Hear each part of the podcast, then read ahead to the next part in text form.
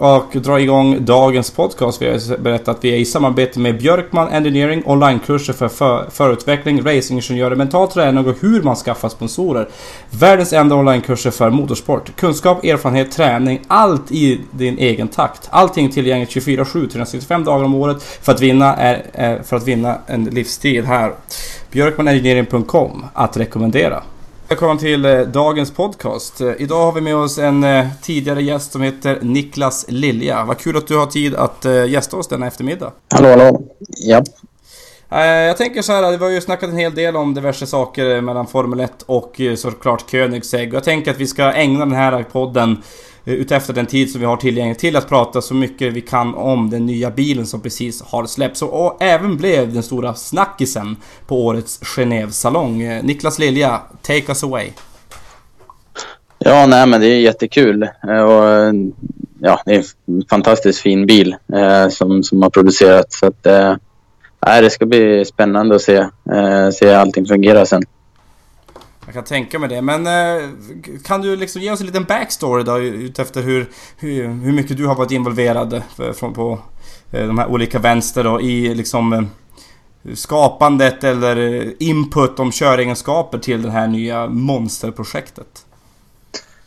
Eh, ja, eh, alltså jag har ju varit involverad i, i ganska mycket från starten. Eh, men det är ju framförallt eh, ja, performancemässigt och eh, hur bilen ska fungera aerodynamiskt och, och eh, körbarhetsmässigt. Eh, och med stötdämpare hur vi ska lösa alla, alla de nya utmaningarna med bilen och med fyrstyrning och, och med mera. Eh, och eh, vi har ju haft lite downforce på våra tidigare bilar men inte ens i närheten av den mängden vi kommer ha på den här bilen. Och det, det ställer ju väldigt mycket nya krav på, på hjulupphängningen och fjädringen Ehm, och samtidigt så ska det vara en bra gatbil. Ehm, så att det, det, blir liksom två världar som man måste försöka att kombinera på något sätt. För att ska man motverka all aerodynamik, eh, ja, 1000 kilo i 270 kilometer i timmen så, så, ehm, så måste man ha en väldigt hård fjädring. Eh, men då när man kör på gatan till exempel så blir det extremt stötigt och blir väldigt, väldigt obekvämt att köra. Så att därav så, så använder vi utav eh, vårt det här triplex-systemet då, där vi har utvecklat det och, och satt fjädrar på det systemet. Och eh, i och med det så kan vi när vi ja, sänker ner bilen till ride height då, där vi får våran downforce så, så aktiverar vi den här tredje fjädern och eh, styvar upp våran fjädring i dive och heave då.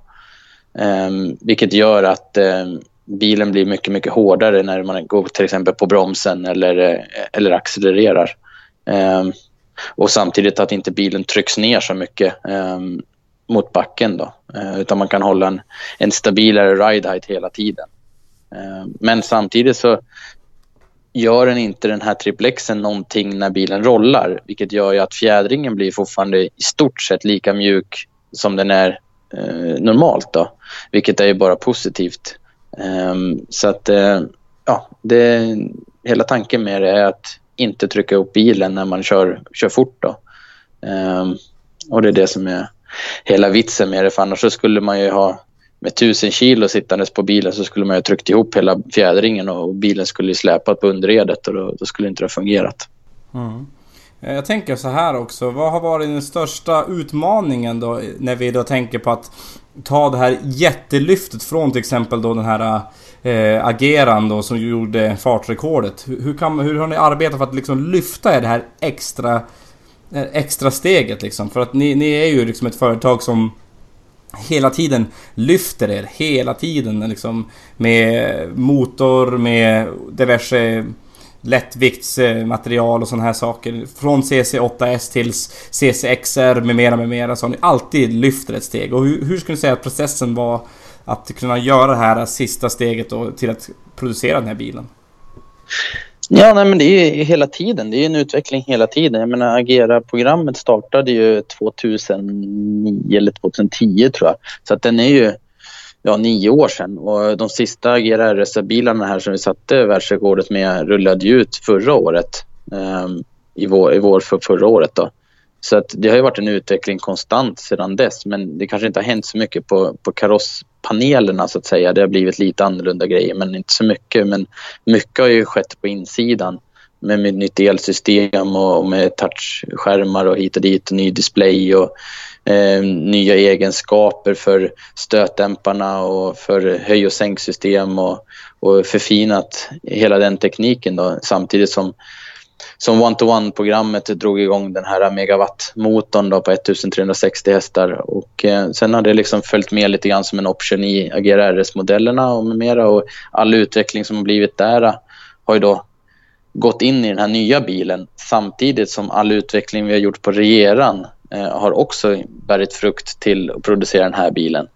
Eh, så att det är liksom konstant hela tiden en utvecklingsfas som, som sker.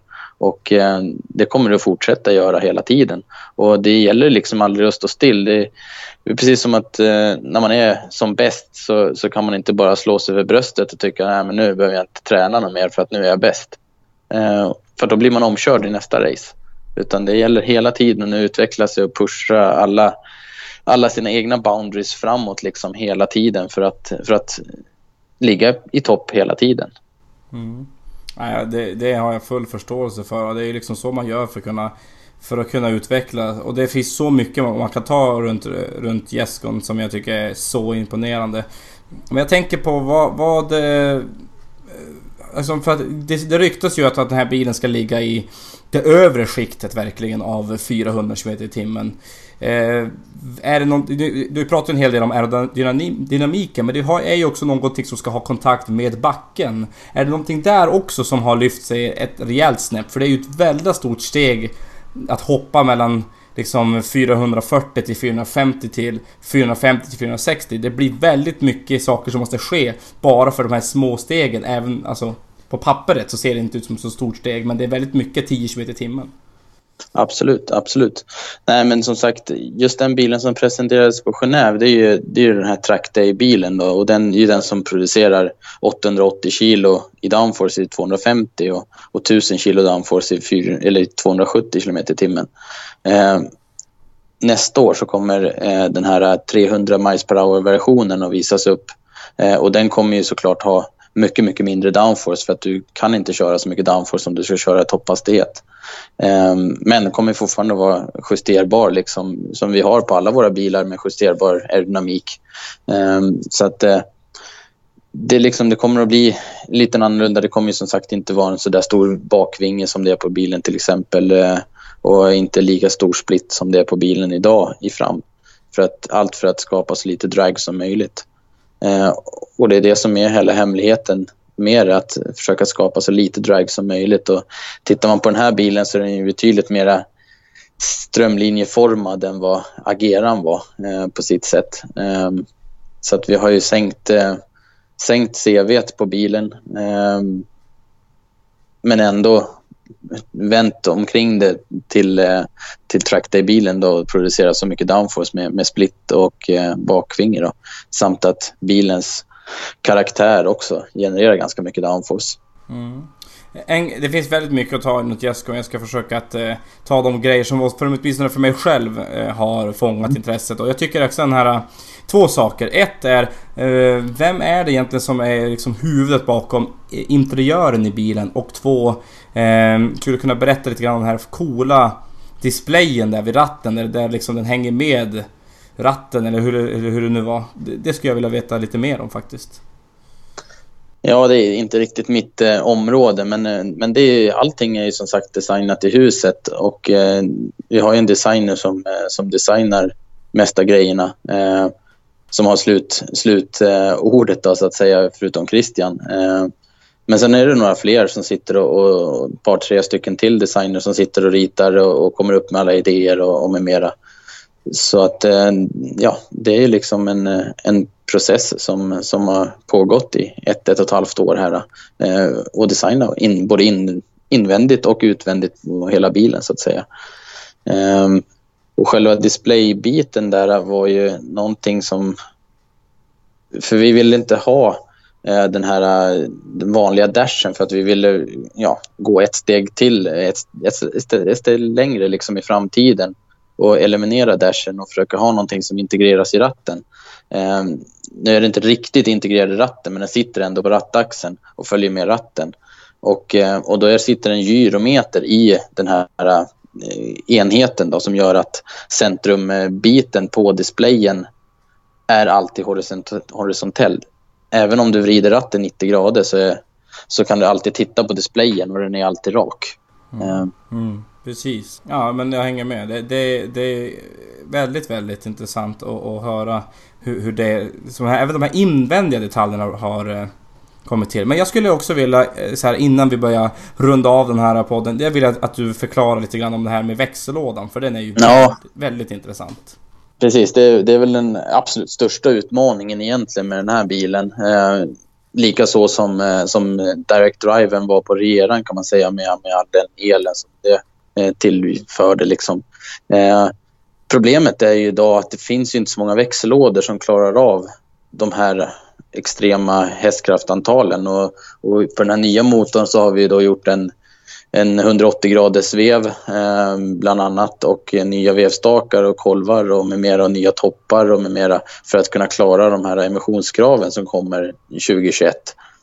Eh, och eh, det medför ju också att vi har kunnat ytterligare, även fast vi har lyckats och klarar de kraven så har vi även lyckats att förbättra prestandan i motorn eh, med större, större turbos och eh, sen har vi den här kolfibertanken eh, eh, eh som vi har tryckluft i med, som är 20 liters tank med 20 bar i som vi skjuter in luft i, i turbon då för att spola upp turbon så att vi slipper den här eh, värsta laggen som blir med en lite större turbo.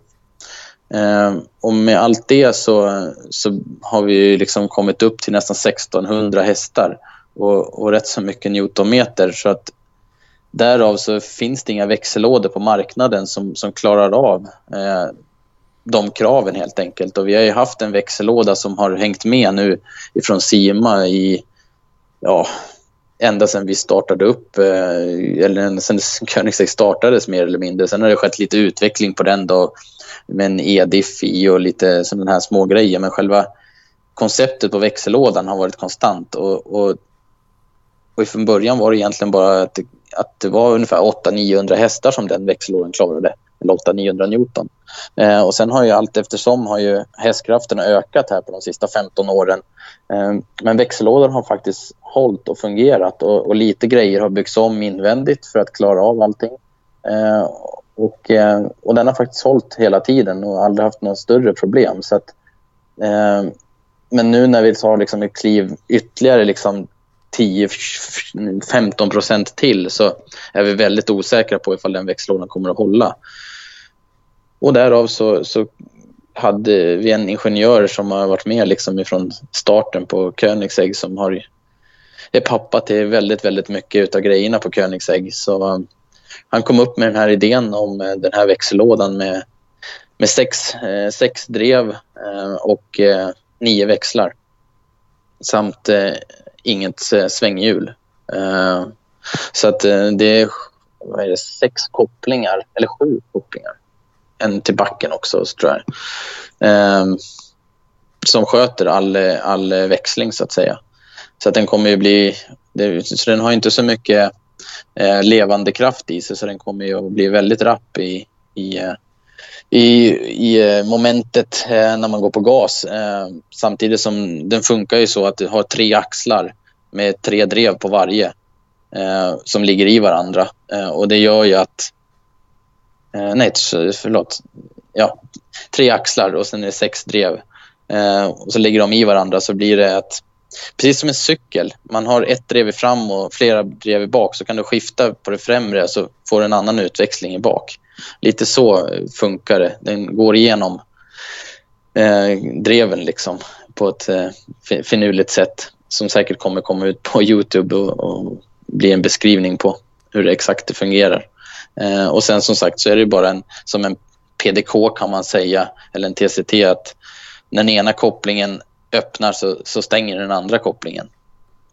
Eh, och det gör ju att alla dreven ligger i hela tiden. Det är bara kopplingen som är öppen och sen stänger man kopplingen så får man den växeln. Vilket också betyder att du kan gå från nians växel ner till ettans växel på en gång utan att behöva gå igenom alla växlar. Mm, just det.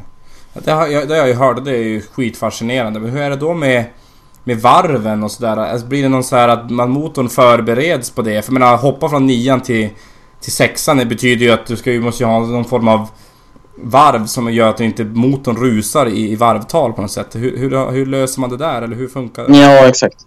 Nej, men det är precis som så att du kan ju ligga på motorvägen i 110-120 på nians växel och kanske har 2000 varv på motorn och sen kan du peta ner den här double shift som eh, finns på, på den då, och eh, då kan du komma ner på treans växel till exempel eh, upp på ja, 7,5-8 eh, varv.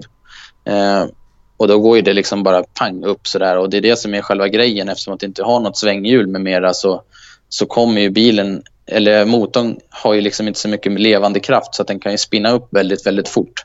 Ehm, och det är det som är hela hemligheten med att, att det här kan göras eh, så här. Att eh, det kommer bli instant, liksom att den kommer gå varv upp extremt fort. Ehm, och som sagt, det här är det som är utvecklingsfasen. Liksom.